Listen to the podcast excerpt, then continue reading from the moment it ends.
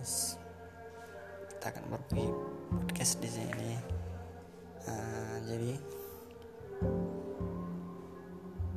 biarkanlah perjalanan hidup ini kita ngalir seperti air sungai. Intinya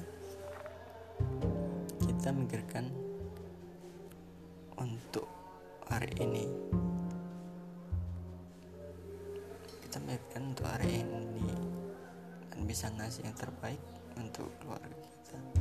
Setidaknya kalau kita belum bisa beri uang ataupun materi ya setidaknya kita nggak membebani mereka.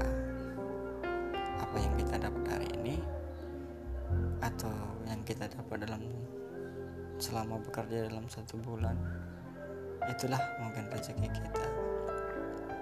Ya terkadang kita suka mikir kenapa kita seperti ini?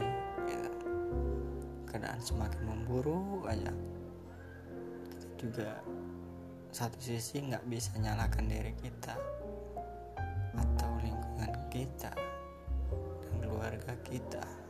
Tapi ingatlah kita nggak bisa paksakan untuk bisa seperti orang lain. Itu juga nggak tahu usaha mereka itu dulu seperti apa.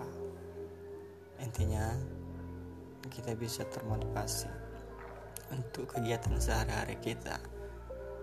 Dan kita bisa kembali lagi bersemangat untuk mendapatkan uh, semangat.